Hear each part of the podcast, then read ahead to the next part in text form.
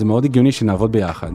והיינו חברים ממש טובים עד לאותה נקודת זמן, אבל once מתחיל לעבוד מקצועית, זה פותח תיבת פנדורה של עולם אחר, אופי אחר, כאילו שיטות עבודה שונות לגמרי, ואז אתה רואה, רגע, לא מתאים, אנחנו, אנחנו לא יכולים לעבוד, אנחנו צריכים לנתק עכשיו כדי לשמור על מערכת היחסים שלנו, וכדי לוודא שהחברה הזאת יש סיכוי באמת לקום, ואז צריך להיפרד, אז איך עושים את זה?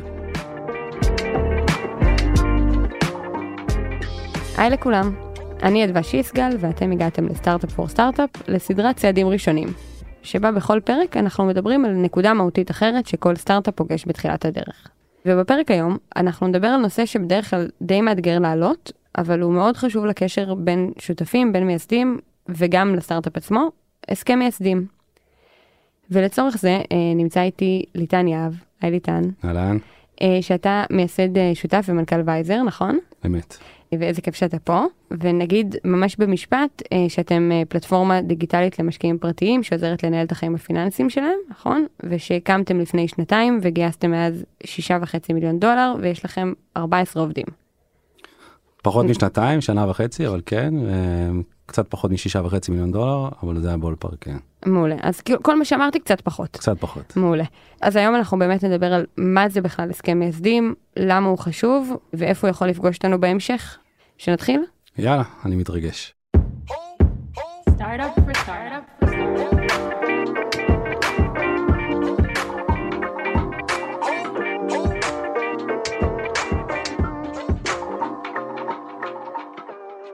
טוב, אז לפני שנתחיל לצלול לעומק, תספר לי בקצרה מי אתה, מי אתם, מי זה וייזר. אז אני, אני אתן טיפה רקע, אה, כי זה חשוב לקונטקסט של בכלל הדיון על הסכם מייסדים. אדוויזר הקמנו אני ושותף שלי, שזה שותף שהיינו ביחד גם בסטארט-אפ הקודם, שהקמנו לפני 12 שנה, ושם בעצם התחלנו בכל התהליך הזה של הסכם מייסדים, כי באותה נקודה זה היה חשוב, כי הבאנו שותף שלישי, שהוא לא היה איתנו בהתחלה, והיו הרבה מאוד נושאים שהיה צריך לדבר עליהם לפני שצוללים לתוך הקמה של החברה. אז כאילו זה היה ההתחלה בעצם של הדרך, שם בעצם היה לנו הסכם ראשון, הקמנו חברה קודמת, היא הייתה חברה שהצליחה, מכרנו אותה, ולאורך השנים נשארנו לנהל אותה, ואז עזבנו, אני ותומר שותף שלי, ואת החברה הנוכחית הקמנו ביחד, ואפשר להיכנס לזה בהמשך אולי, כאילו אה, מאיפה זה הגיע, אבל זה כאילו תכלס התחיל מאיזשהו צורך אישי שלנו, אחרי שמכרנו חברה נתקלנו בכסף, בלאגן גדול, צרות טובות, אבל, אבל זה מה שהוביל אותנו לה- להקים את וייזר, וזה בגדול איזשהו רקע קצר. מגניב. ו- וגם אולי נגיד שכשאתה יודע, חשבנו על הנושא הזה של הפרק וחשבנו מי יכול לדבר על הסכם מייסדים, אז אתה גם כתבת לנו פוסט על זה בקהילה, שאחר כך הפך לבלוג באתר שלנו, שאולי אני גם אשים באמת קישור בתיאור של הפרק למי שרוצה. אבל שאני ככה נחשפתי פעם ראשונה בכלל לנושא הזה של הסכם מייסדים, כי זה תמיד היה נראה לי משהו שלא יודעת, אולי קצת כמו הסכם ממון כזה, או שעושים אותו או שלא עושים אותו, ואולי אם עושים אותו אז זה מעיד על משהו לא טוב, כאילו מין משהו שגם יש קצת סטיגמות סביבו. תשמעי, כאילו הס- הסכם ממון, הרי למה הסכם ממון זה, זה מבאס? כי כאילו אתה מתחיל מערכת יחסים וישר חושב מה עושים כשנפרדים. שזה כאילו נקודה אחת בתוך הסכם מייסדים. יש עוד המון המון נקודות בתוך ההסכם מייסדים שמעבר להסכם המשפטי שחשוב שיהיה אותו כי כאילו shit happens mm-hmm. וכאילו ו- והרבה מאוד חברות מתפוצצות בגלל בעיות בין שותפים. אז זה נועד לדבר על הדברים עוד לפני הצד המשפטי שלהם. אז המון יזמים שבאים להתייעץ איתנו, דבר ראשון שאנחנו אומרים להם רגע דיברתם על הנושאים החשובים שהם התשתית של אותו הסכם מייסדים ורוב הזמן הם אומרים לא זה לא משנה אנחנו נסתדר וכשאין כלום בתחילת הדרך זה הזמן לדבר על הסכם מייסדים. אם הכל מתפוצץ ו- והולך לפח אז גם אז לא קרה כלום לא היה אבל אם הכל הולך פצצה ואין הסכם מייסדים אז זה סיפור מה- מההפטרה שמוביל לתביעות ובלאגן גדול. כן, זה מין משהו כזה שהרגע שבו תשמח שיש לך אותו, זה רגע שהוא כנראה כל כך גרוע שלא בא לך לדמיין אותו כשאתה נמצא בהתחלה. בדיוק. זה לא רק לא בא לך לדמיין אותו, אתה אומר סבבה נו אה, אולי החברה תצליח אולי לא, לא זה לא, יהיה בסדר. כן. אה, אני שמעתי על חברים מאוד מאוד טובים שכאילו התחילו לעבוד על חברה ביחד והחברות התפוצצה לגמרי בגלל שלא דיברו על הדברים הקשים בהתחלה אה, שהם חלק מאותם הסכמי מייסדים. כן, אז, אז אולי באמת נעשה רגע, נחזור אולי צעד אחורה ונעשה איזה אישור קו של מה זה בעצם הסכם מייסדים. אז קודם כל הסכם מייסדים זה הסכם משפטי בסדר אני רק אגיד כאילו כדיסקליימר כדאי ורצוי לשבת עם עורך דין ולנסח אותו ביחד אה, ולחתום עליו ביחד עם השותפים. עכשיו, כן, ו- וגם מה שנגיד פה בפרק הוא מה- מהחוויה האישית שלך, זאת אומרת גם דוגמאות יהיו מההסכם שלכם שאתם בניתם עורך דין, לא בהכרח מתאים לכולם ושווה לה- להתייעץ על זה עם גוף משפטי כלשהו. נכון, נכון, אני גם אגיד גילוי נאות, בסדר? אני ותומר שותף שלי, בחברה הקודמת היה בינינו הסכם מייסדים, בחברה הנוכחית אין לנו. זה כבר נושא אחר, אבל בגדול ההסכם, אז הסכם מייסדים, מעבר לצד המשפטי, הוא מעלה שאלות ממש חשובות שצריך לעלות בתחילת הדרך בין, בין שותפים. יש לי פה גם איזה מסמך כזה שכאילו יש לנו כבר כמה שנים אנחנו הולכים איתו, שגם מתייעצים איתנו אנשים. זה דברים הכי, הכי בנאליים כמו כמה זמן בשבוע כל אחד מאיתנו הולך לעבוד על, על הסטארט-אפ הזה, רק שזה יהיה על השולחן, כי כאילו אם אין את התקשורת הזאת זה, זה יתפוצץ בהמשך, או מה התפקידים של כל אחד מאיתנו. משכורות, מתי לוקחים משכורות, כמה, כמה משכורות לוקחים. אלה השאלות הרכות יותר, זה לא, זה, זה לא השאלות הבאמת קשות, כאילו כמו התפקידים וכאילו כל הדברים האלה. השאלות הקשות מגיעות כשאומרים אוקיי, מה קורה כשנפרדים? בוא נגיד שחצי שנה, שנה מהיום, לא בא לך יותר לעבוד איתי. סבבה, בא לך, קיבלת איזושהי הזדמנות, הכל בסדר, אנחנו רוצים לסיים בטוב, מה עושים? הרי עבדנו שנה, מגיע לכל אחד מאיתנו משהו, אחד מאיתנו גם רוצה להמשיך, אז כאילו השני לא רוצה להרגיש ש... שהוא נדפק מזה שכאילו הוא, הוא, יצא, אז, אז כאילו אם לא מדברים על הדברים האלה מראש וזה נשאר באוויר, ואתה עובר שנה כזאת, זה כאילו, זה באמת, זה, זה דברים מתפוצצים, וחייבים ליישר אותם מההתחלה, אז כאילו, אלה, אלה הדברים המשמעותיים אני חושב, יש פה עוד מלא מלא דברים אחרים, אבל אלה הדברים המרכזיים אני חושב. אז כן, אז אנחנו גם את המסמך הזה, אנחנו מסתכלים עליו פה בחדר, ואנחנו גם נשים אותו באמת בתיאור של הפרק ובאתר שלנו, אז, אז יהיה אפשר לראות אותו ולהשתמש, לא יודעת אם להשתמש בו כאיזה טמפלט, כי שוב, כדאי כן ללכת עם זה לאיזה גוף משפטי, אבל לראות על מה מדובר. זה, שוב, זה בשביל אות- אותה שיחה שהולכים לבית קפה, יושבים השותפים, שניים, שלושה, ארבעה שותפים, ווטאבר, ומדברים על הדברים האלה. כאילו זה ממש, זה, זה, זה נשמע טריוויאלי, אבל כשמתחילים לדבר על זה, זה, זה, זה שיחה קשה, שחייבים לנהל אותה. אה, זהו, אז, אז אולי באמת, כאילו, איך מתחילים שיחה כזאת? אמרת שאת הסטארט-אפ, אתה התחלת עם תומר, שהוא חבר שלך, והיה לכם עוד שותף שלישי. בסוף, מה, אתה יושב מול חבר, וחבר טוב גם, בחלק מהמקרים לא תמיד, ואתה צריך להגיד לו, שומע, אני רוצה שנדבר על מי עושה עכשיו כל דבר מה, כדי שאם עוד שנה, כאילו, איך מתחילים בכלל שיחה כזאת? זו שאלה טובה, כי, כי בסוף זה מאוד דינמי ותלוי במערכת יחסים שיש בין השותפים באותה נקודה בזמן, אבל בגדול זה, זה שיחה שהיא היא מאוד הגיונית שהיא תתנהל באותה נקודת זמן. אז כאילו, שבאים לא, לאותו חבר או לאותו מכר או מכרה או, או חברה שרוצים לעשות את זה ביחד איתם, כאילו קודם כל, תשמעו, אנחנו רוצים לעשות שיחה, לדבר על הדברים הקשים היום, כשאנחנו בשלב הרעיון, לפני שיש משהו, לפני שיש כסף, לפני שיש מוצר, שום דבר. כדי למנוע מצב שבעתיד אנחנו נתפוצץ ולא נהיה חברים יותר ולא נהיה משפחה כאילו ממש ברמה משפחות מתפוצצות על הדברים האלה אז כאילו זה נועד כדי לשמור על אותה מערכת יחסים ולא ולא לדפוק אותה וזה כאילו הפתיח של השיחה. בדרך כלל כאילו זה אנשים מפחדים יותר לנהל את השיחה מאשר ההתנהלות עצמה של השיחה היא שיחה שהיא היא לא באמת קשה אבל חושבים שהיא קשה לפני שנכנסים אליה אז זה, זה ככה אני הייתי ממליץ להתחיל אותה. אוקיי, עכשיו בעצם אולי, אולי כן נעבור דרך הסיפור שלך, שלכם, ותספר רגע איך זה היה אצלכם, כי אתם בעצם הייתם שני שותפים וצירפתם אליכם מישהו שלישי, נכון? אצלנו הסיפור אפילו עוד יותר מורכב. אנחנו, אני ותומר נפגשנו בתוכנית זל בבינתחומי, ושם התחלנו את ה-ideation עם, עם החברה הקודמת שלנו, עם סגומה, ובאותה נקודה בזמן היינו ארבעה חבר'ה בתוכנית. שעבדנו במהלך שנה mm-hmm. על לחקור את השוק ולבדוק כל מיני איטרציות על המוצר ורעיון וזה ופה שם. ובסוף התוכנית אני ותומר החלטנו שאנחנו רוצים להמשיך ושני החבר'ה האחרים החליטו שהם לא רוצים להמשיך. וגם שם התנהלה איזושהי שיחה כאילו בין ארבעתנו אוקיי רגע מה עושים. ו- ו- וממש פרגנו לנו ו- וזה ממש היה טוב למרות שלא היה הסכם מייסדים זה היה בפוקס כי לא הייתה לא היה לנו הסכם מייסדים באותה נקודה. טעות גדולה. כן. היום בתוכנית זל אין דבר כזה. אה, אבל לא היה לנו הסכם מייסדים ובמזל זה נגמר טוב אה, ואני ותום המשכנו הלאה עם החברה והשני החבר'ה האחרים היו ממש פרגנו. ואז המטרה שלנו הייתה בוא נמצא שותף שלישי כי תומר ואני לא טכנולוגים וצריך טכנולוג חזק שיצטרף אלינו כדי להקים את החברה. ו- ואתה מתחיל לדבר עם אנשים ולהיפגש עם אנשים ולראות אוקיי איך אפשר לבנות שותפות אמיתית שתחזיק המון המון זמן ותבנה חברה משמעותית. ואז שמצאנו את אותו שותף פוטנציאלי, השותף השלישי שלנו בסגומה בחברה הקודמת, CTO, קוראים לו גלעד, עלה על השולחן רגע, מה עושים? כאילו, איך החלוקת אחריות בינינו? גלעד האמת הביא את העורך דין שלו, וביחד ניסחנו הסכם מייסדים בין שלושתנו, שעל בסיס הסכם מייסדים הזה הקמנו את השותפות ואת החברה הקודמת. ו- והטמפלט הזה בכלל הגיע, הגיע עוד משם. ועלו השיחות האלה, וזה שיחות כאילו, שוב, הדינמיקה בינינו הייתה מאוד מאוד טובה באותה נקודה בזמן. היא גם היום טובה, אבל כאילו זה עזר לנו גם לדבר על השאלות האלה, מי ממנכ"ל את החברה. אה, מה קורה אם אחרי חצי שנה אחד מאיתנו עוזב? יש לנו אחוזים בחברה? אגב, זה, זה, השאלות האלה לא טריוויאליות בכלל, כאילו, השאלה הס- הספציפית הזאת על האחוזים בחברה, יש מנגנון בתוך הסכם מייסדים, וגם אחרי זה בהסכם השקעה שנקרא וסטינג, שזה פשוט תקופת הפ- הפשרה של המניות בחברה. שזה נועד בעצם לייצר מצב שבו כל אחד נמצא, ב, הוא שותף בחברה, ואם מישהו עוזב או מישהי עוזבת אחרי איקס זמן, מאוד מאוד ברור כמה החזקות הם נשארים בחברה. כאילו, אין ספקות. Mm-hmm.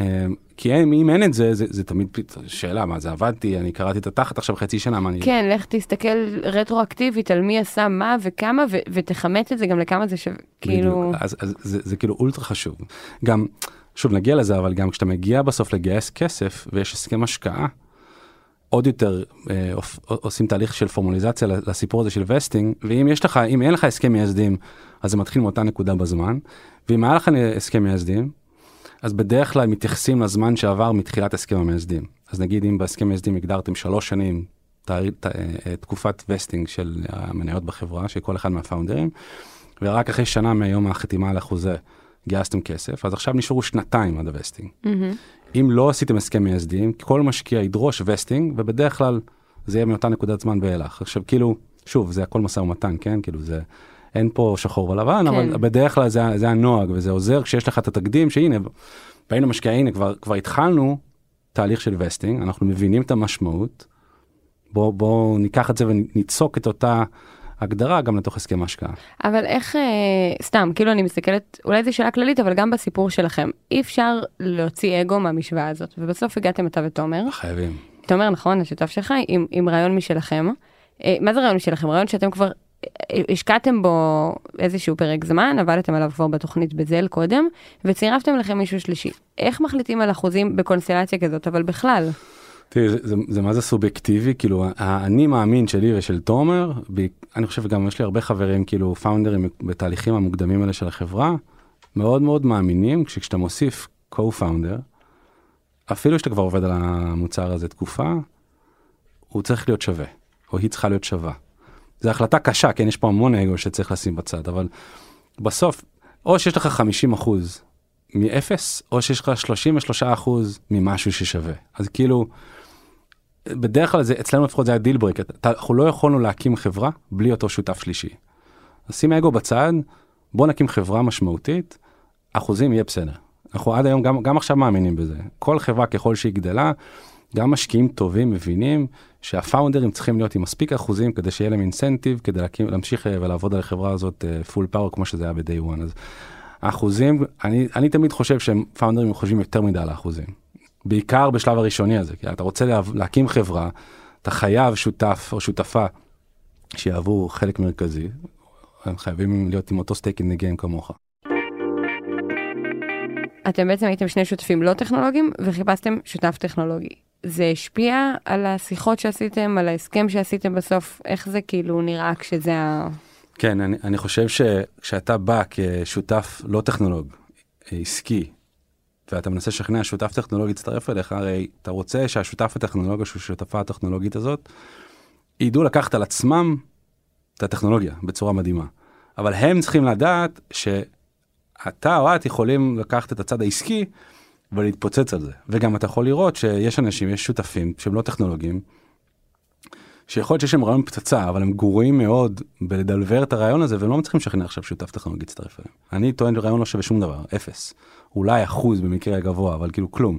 אם אתה או את לא יודעים לדלבר את הצד העסקי של הרעיון, ומביאים טכנולוג שידע לדלבר את הצד הטכנולוגי, וצריך את שני הצדדים כדי שזה יהיה חברה מדהימה, אז, אז, אז אין מה להביא שותף. חד משמעית, שבאים לאותו בן אדם, אותו טכנולוג, ובאים אליו עם איזה רעיון פצצה, צריך לשכנע אותו שזה לא רק רעיון פצצה, אלא זה רעיון פצצה שהשוק צריך, ואני, כצד העסקי של בעל הרעיון, יודע גם איך להביא את זה מא' עד ת' לשוק. ואני צריך אותך, שתרימי את הטכנולוגיה כדי שנעשה את זה ביחד.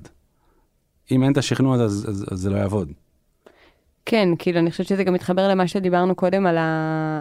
על האחוזים ועל, ועל השווה בשווה. זה יותר, שוב, האחוזים בסוף משקפים את העובדה של מאוד ברור מה כל אחד יכול להוסיף נכון. לשולחן. ומה שאתם הבאתם זה לא רק את הרעיון, הבאתם אה, אה, חשיבה פרודקטית וחשיבה ביזנסית, ו... ואז מה שגלעד הביא זה בעצם את, ה... את הטכנולוגיה. נכון, לגמרי. אתה יודע, זה גורם לי לחשוב כמה, אנחנו כאילו מדברים על הסכם מייסדים כאילו זה העניין פה, אבל אני חושבת שמה שקורה כשעושים אותו בשלב כל כך התחלתי, כמו שאתה אומר, שהשיח עצמו יכול להיות אינדיקציה למערכת היחסים הזאת, כי הרי בשלבים הראשונים זה גם הרבה בחינה. שוב, אצלכם זה היה קצת היה אחרת, כי כבר הכרתם אחד את השני והייתם קצת חברים, אבל זה הרבה הזדמנות לבחון איך אתם מתנהלים בכל מיני מצבים, איך אתם uh, מתייחסים למשל לנושאים כמו אחוזים, כאילו אם אתה uh, מגיע ממקום של בוא נעשה את זה שווה בשווה, ו- וזה עדיף, לעומת מישהו שאומר לא, אם אני אעשה 80% יותר עבודה, אז אני גם רוצה 80% יותר.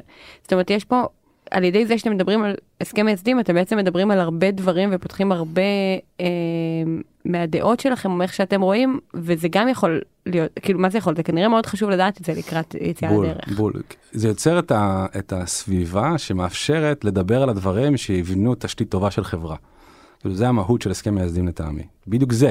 כמה כל אחד משקיע מבחינת זמן, הרי לא כל יזם או יזמת באים פול פאוור all in 100% מהזמן, בתוך החברה יש כאלה שחייבים לעבוד תוך כדי.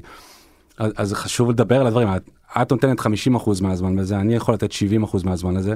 זה פייר שאני אקבל בשלב הזה יותר אקוטי או, או לא, אבל בוא נדבר על זה, לפני שמתחילים אפילו, מה שנקרא, לשים את האצבעות על הקeyboard ולכתוב כן. קוד, אבל כאילו זה סופר חשוב. בואי, אצלנו זה, השותפות שלנו היא ייחודית בהקשר הזה שכאילו באמת שאין אין אגו. אה, רוב המקומות שיש את החיכוכים האלה זה נגיד סביב ההגדרות האלה, טוב, מי מנכ"ל את החברה. זה מקום שיש הרבה פעמים חיכוכים. מנגנון ה vesting הוא לא טריוויאלי, זה מאוד הגיוני שנעבוד ביחד, והיינו חברים ממש טובים עד לאותה נקודת זמן, אבל once מתחיל לעבוד מקצועית, זה פותח תיבת פנדורה של עולם אחר, אופי אחר, כאילו שיטות עבודה שונות לגמרי, ואז אתה רואה, רגע, לא מתאים, אנחנו, אנחנו לא יכולים לעבוד, אנחנו צריכים לנתק עכשיו כדי לשמור על מערכת היחסים שלנו, וכדי לוודא שהחברה הזאת יש סיכוי באמת לקום, ואז צריך להיפרד, באופן יזום נגיד על ידי אחד מהצדדים. אז איך, איך, איך עושים את זה? נגיד, אם שני אנשים זה הכי קשה, אם שלושה זה קשה בצורה אחרת, כי כאילו, אוקיי, אם יש שלושה, אז מספיק שיש רוב של שניים נגד אחד, מחליטים שהשלישי עכשיו לא ממשיך. מה עושים? אפשר לעשות את זה בכלל. זה, זה השאלות הקשות. כן, זה, אה, זה באמת שאלות מאוד מאוד קשות, כאילו אני כן. חושבת על לדבר עליהם כשהכל טוב, כשאתם בהתחלה, שאתם רק רוצים לעוף כאילו על, על הרעיון ואיזה, ואיך המוצר הזה יתפתח, ופתאום לעצור ולהגיד רגע, רגע, אולי נתפצל. בטח בדינמיקה מורכבת כמו שלכם, שהייתם חברים ועוד מישהו יצטרף. כן, אז נגיד סתם, גם במקרה הזה, אז לגלעד היה חשוב ובצדק, כאילו, אני ותומר חברים, גלעד רק מצטרף, הוא לא, הוא כאילו, שוב, אנחנו היום גם חברים טובים גלעד, כן, אבל, אבל באותה נקודה בזמן הוא, הוא לא הכיר אותנו מספיק טוב, והוא רצה הגנות על עצמו, שאנחנו פתאום לא מחר בבוקר נצביע, או, הנה, הוא, הוא טכנולוג, הוא בא, יצר טכנולוגיה, Mhm. בוא נעיף אותו קיבינימט ונתקדם אני ותומר, וזה זה חשש מוצדק. אז הרבה מאוד מהדברים שהיו בתוך הסכם המייסדים זה כאילו כל מיני זכויות וטו שיש לגלעד, שהוא יכול להטיל וטו שזה לא יכול לקרות, או שצריך אה, גורם שלישי שהוא כאילו גורם מגשר, בורר כזה שמחליט אה, זה הגיוני או לא הגיוני. אבל זה, זה כל כך סובייקטיבי לסיטואציה הספציפית שחייבים כאילו פשוט להיות מסוגלים לדבר על הדברים האלה כדי שיהיה אפשר לפתור אותם. יש פתרונות לכל דבר, כמו כל מערכת יחסים זה הכל פשרות. אי אפשר שכולם יהיו לגמרי מרוצים, צריך שיהיו, כולם יהיו, ירגישו שהם ויתרו קצת כדי לעוף קדימה לאיזה מטרה משותפת שהיא הרבה יותר גדולה מה, מהשיח הזה. ש- ששוב, זה, זה, כמו, אני אדגיש את זה, כן, זו שיחה לא פשוטה, בדיוק מה, מה, מהסיבה הזאת שכל אחד צריך להתפשר על משהו כדי שיהיה אפשר אה, לעבוד ביחד. כן, פעם, אני לא זוכרת מי אמר לי, אבל פעם מישהו אמר לי משפט, שאיך יודעים שעסקה היא עסקה טובה, אם כל אחד מהצדדים מרגיש שהוא נדפק. כן, אה, אז, אז זה משהו כזה, כי זה אומר שכל אחד כאילו ויתר על משהו, אז העסקה כנראה בסוף הסך של הטוב. וגם, זה שוב מחזיר אותי למה שדיברנו, נשמע שכאילו סתם, אתה מדבר על הסעיף הזה, סעיף וטו למשל. בסוף, בסדר, זה סעיף בחוזה משפטי, אבל שמה שעומד מאחוריו זה איזשהו חשש שהוא לגיטימי של מישהו שיצטרף לאיזה מערכת יחסים שכבר קיימת. אז, אז הדבר הזה הוא בעיקר, שוב אני אומרת, הוא מציף חששות. אתה לא עושה הסכם מייסדים כדי לעשות הסכם, כאילו, אתה עושה את זה גם בשביל שיהיה לך הסכם מייסדים, אבל גם כי זה באמת הזדמנות לדבר על דברים שאחרת אולי לא היו מועלים. כי לא בטוח. שהייתם יודעים שזה חשש אה, שקיים, לא בטוח שהייתם יודעים שאחוזים הם סתם, כל אחד והמקרה שלו, אבל אני חושבת שבגלל זה זה, זה באמת מהותי. לגמרי. לגמרי. גם לבחור את השותפים האלה, בנקודה הזאת של כאילו, אתה לא מכיר השני מספיק טוב, נראה שיש פה איזושהי אה, אה, השלמה אה, של skill set מסוים. אני ותורמן נגיד לא באים מאיזה רקע טכנולוגי, גלעד בא מרקע טכנולוגי מאוד. איך בכלל יודעים שאפשר לעבוד טוב ביחד? כאילו זה שאלה קשה, אתה לוקח הימור, כל הדבר, בסוף עולם הסטארט-אפ בכלל, כמו הרבה מאוד עולמות אחרים, זה risk management, אתה כאילו בסוף מנהל את הסיכונים שלך. ואצלנו אחד הדברים שכאילו נורא היו חשובים לנו, גם ברמת השותף וגם ברמת הצוות הראשוני, זה מבחן די מטופש, אבל הוא די, אני מכיר הרבה מאוד אנשים שעובדים לפי המבחן הזה, זה מה שאנחנו קוראים מבחן הבירה. כאילו האם, הרי אנחנו הולכים לעבוד מאוד מאוד קשה, לקרוא את התחת על שעות הקטנות של הלילה, על להקים יש מאין, והשאלה אם בסוף יום עבודה כזה, בא לך ללכת לשתות עם הבן אדם הזה בירה. לא משנה בירה או כן. whatever, אבל כאילו, זה מבחן סופר חשוב. כי כאילו בן אדם יכול להשלים אותך בטירוף, להיות 180 מעלות, להיות איזה מתכנתת תותחית על, אבל אתם לא מתחברים ברמה האישית בכלל, אני אישית חושב שזה טעות גדולה להיות שותפים, אם אתם לא מתחברים בכלל ברמה האישית. כאילו הסכם מייסדים לא יפתור את זה, זה יתפוצץ. אה, לדעתי, כאילו, שוב, ניהול סיכונים, רוב הסיכויים שזה יתפוצץ, יש סיכוי כן, שלא, כן. אבל אה, סתם נקודה קטנה וחשובה, אני חושב שזה חלק גם מהתהליך הזה. לא, לגמרי, כי גם, אני חושבת שהעניין פה הוא שוב, כאילו, ההסכם מייסדים בא לפתור את זה, עם, לעזור לכם מכאוס מוחלט, אם דברים, everything goes down. אבל הוא לא יפתור בעיות שכבר נמצאות בהתחלה, אה, הוא לא ימנע מדברים, כאילו, הוא לא, הוא לא ימנע מ, מ, משותפויות להתפרק, הוא, לא, הוא רק ימנע מהם להתפרק ממש ברע, או להיכנס לדברים על כסף, או דברים כאלה. נכון. יש אה, פעמים שבהם זה לא רלוונטי לחתום על הסכם מייסדים? זאת אומרת, למשל אמרת שאתה ותומר עכשיו אין לכם. אז אני ותום אין לנו הסכם מייסדים, אז נגיד במקרה כזה שאתה כבר, אנחנו באמת, אה, הוא, הוא כאילו אשתי השנייה, יש שיגידו גם הראשונה, תלוי את מי שואלים, אבל כאילו, אנחנו מכירים כל כך טוב אחד את השני, לא רק ברמה האישית, גם איך אנחנו עובדים, וכאילו, מה היתרונות והחסרונות של כל אחד מאיתנו, אין בינינו בכלל אגו. לא היינו צריכים הסכם מייסדים. גם אה, די בתחילת הדרך הלכנו וגייסנו כסף, שזה גם אישר מאוד את כל נושא הכוחות והעבודה היומיומית והתחומי האחריות וכל הדברים האלה.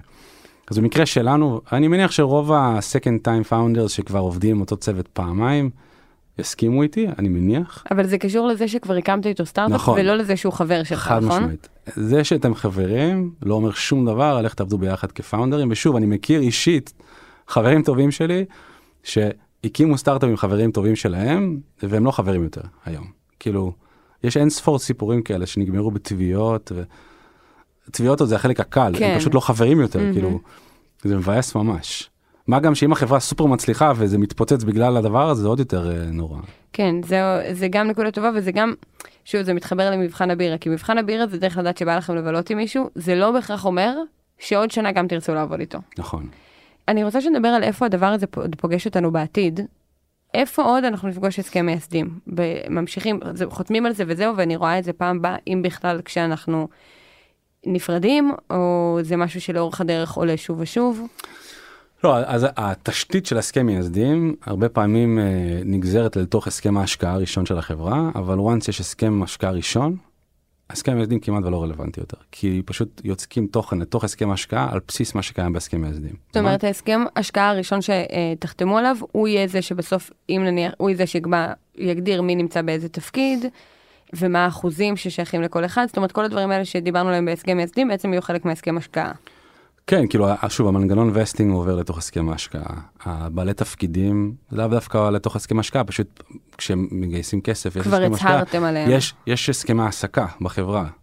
כאילו הפאונדרים הופכים להיות מועסקים על ידי החברה, יש הסכם העסקה. אז, אז כבר אין, כאילו, זה, זה כבר חתום. כן, התגמול, אותו דבר, ה, ה, כמה כל אחד מקדיש לחברה, זה גם ברור. כאילו, נדירות הפעמים שישקיע, משקיע ישים כסף, כשה founders הם לא full time בתוך החברה. אז גם זה יורד מה, מהשולחן, כי זה אולי היה קיים בהסכם מייסדים. כל נושא הגירושים, שזה חלק מה vesting, זה גם, קיצר, כל הדברים האלה כבר נכנסים לתוך הסכם השקעה, והסכם מייסדים כבר נהיה פחות רלוונטי. אבל הוא יוצר תקדים. ההסכם המייסדים יוצר תקדימים שאפשר, לא תמיד זה מצליח, אבל הרבה פעמים אפשר לטעון, כשמנסחים הסכם השקעה במשא ומתן עם משקיעים, לטעון, הנה הסעיפים האלה קיימים כבר, בואו ניקח אותם ונזרוק אותם גם לתוך הסכם השקעה, ולא נמציא עכשיו סעיפים חדשים. לא תמיד עובד, זה נורא תלוי בדינמיקה בין היזם או היזמת לבין המשקיעים. אבל זה חד משמעית אה, בסיס לט- לטעון שאפשר להתבסס עליו. זה משהו שמשקיעים רואים בעין טובה, זאת אומרת, זה גם, אתה יודע, זה משהו שהם מעריכים כשמגיעים עם הסכם השקעה, זה משהו שיכול, אה, עם הסכם הסדים, זה משהו שיכול איכשהו לפגוע אחר כך. כן, זה יכול לפגוע, סתם, לדוגמה, החברה- בחברה הקודמת, אז לגלעד היו זכויות וטו, בצדק, והמשקיע הראשון ראה את, ראה את הזכויות הווטו, את זכויות הווטו האלה, וגם רצה גם, רצה את אותן זכויות לעצמו עכשיו.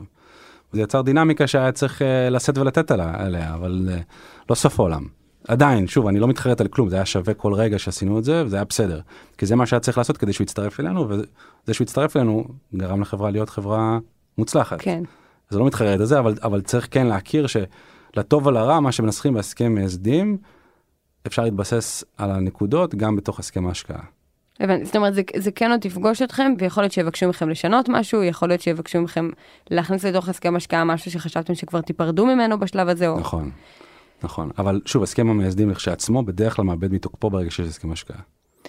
זה משהו שנשאר אה, בין הפאונדרים הסכם מייסדים, זה משהו שחושפים גם לשאר החברה, זה משהו שמשפיע או יפגוש את החברה, את העובדים בחברה, באיזשהו שלב גם? תראה, הסכם מייסדים זה לא משהו שבאים ופותחים בפני החברה ש- שהיא מתחילה לגדול, אה, ושיש צוות. שוב, בדרך כלל גם יש הסכם השקעה כבר, אז הסכם מייסדים כבר לא רלוונטי, באותה נקודה שמתחילים לגייס עובדים. אבל מה שכן, כשמדברים על הדברים האלה בהסכם מייסדים, והתנאים ש- שקובעים בתוך אותו הסכם מייסדים, קובע סוג של התחלה של התרבות הארגונית, שכאילו של, של הפאונדרים, של החברה שהולכים להקים, עם האלמנטים והסעיפים בתוך ההסכם, שאחר כך יעברו להיות גם אותם אלמנטים או אלמנטים דומים בהסכמי ההעסקה של העובדים. עם אופציות שנותנים לעובדים, עם תחומי אחריות שנותנים לעובדים.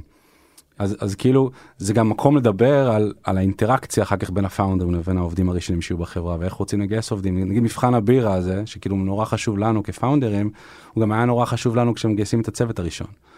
שוב, זה כאילו כפועל יוצא מאותו הסכם מייסדים ראשוני ראשוני ש, ש, ש, שדיברנו עליו והדינמיקה שנוצרת בין השותפים היא אחר כך תשליך אה, במהלך השלבים הראשונים של הקמה של החברה. כן, אני גם, אה, שוב, אני חושבת על, ה, על הקהילה שלנו, שיש בה הרבה פעמים אנשים שמחפשים שותפים, יש לנו גם אירועים אה, לחיפוש שותפים. וכאילו, אני רואה הרבה פעמים, אני, אני ממש מוצאת את עצמי חושבת איזה מטורף, יש פה שני אנשים זרים לחלוטין, שחושבים לצאת למסע פסיכי ביחד. ומאוד קשה להכיר בן אדם לעומק, לא משנה כמה תשבו ותדברו ותשתו בירות ותשתו קפה, קשה להכיר בן אדם לעומק לאיך הוא יתנהל, או איך היא תתנהל ברגעי משבר שלהם. אה, אז נראה לי שזה מעניין איך הסכם מייסדים, באתי להגיד שהוא גם בעיקר חשוב לזיווגים כאלה, מצד שני, הוא אולי עוד יותר חשוב לאנשים שכן חושבים שהם מכירים אחד את השני. כאילו... זה חשוב מסיבות שונות, כן? כן. אה, אני מסכים לגמרי, בואי, זה כאילו, זו החלטה כל כך קשה לבחור את השותף או שותפה שהולכים כאילו להרים, זה, זה, זה ממש חתונה, כן? כאילו זה dating ולהתחתן בטווח זמן מאוד מאוד קצר.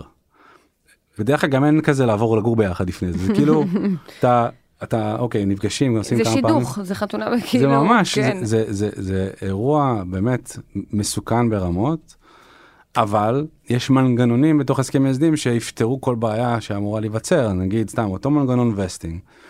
שוב, אם מדברים על זה כמו שצריך, וזה הדדי, אם עכשיו אני ואת רוצים להקים ביחד סטארט-אפ, אנחנו לא מכירים אחד את השני מספיק טוב, בוא נראה איך זה יעבוד, בוא נגדיר גם שהחצי שנה הראשונה, אם אנחנו לא מצליחים לדלג על פני החצי שנה הראשונה, כל אחד מאיתנו יכול להמשיך עם זה איך שהוא רוצה, ואנחנו לא חייבים כלום אחד לשני, סתם לצורך העניין.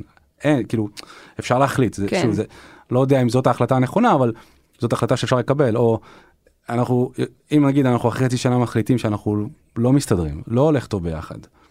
את לא רוצה להמשיך ואני כן רוצה להמשיך. מה עושים? כן, מהזכויות שלי מה על הזכויות? החברה. אם מחליטים אגב, לדעתי אישית הדבר הנכון זה אם אם אחרי חצי שנה, אפילו לדעתי אחרי שנה מישהו לא רוצה להמשיך, לא מגיע לו כלום. זו הגישה שלי, כן? כאילו, שנה זה כלום זמן בסטארט-אפ. אמ, זו, זה מה שאני חושב, זה כאילו, יש נגיד מושג משפטי זה נקרא קליף. הקליף זה בעצם הרגע הראשון שבו מקבלים את המניות במהלך ה vesting, הוא בדרך כלל אחרי שנה. אמ, אפשר לקצר את זה וזה תלוי בדינמיקה בין שני אנשים, אבל תחשבי, זה- שזאת שנה מהמם. של dating, שהיא מוגדרת אה, באותו הסכם מייסדים, ומאוד מאוד ברור מה קורה בסוף השנה הזאת, אז כאילו, זה אמור לעזור באותן סיטואציות של כאילו, וואלה, שני אנשים לא מכירים אחד את השני וצריכים עכשיו להקים סטארט-אפ יחד, מה עושים?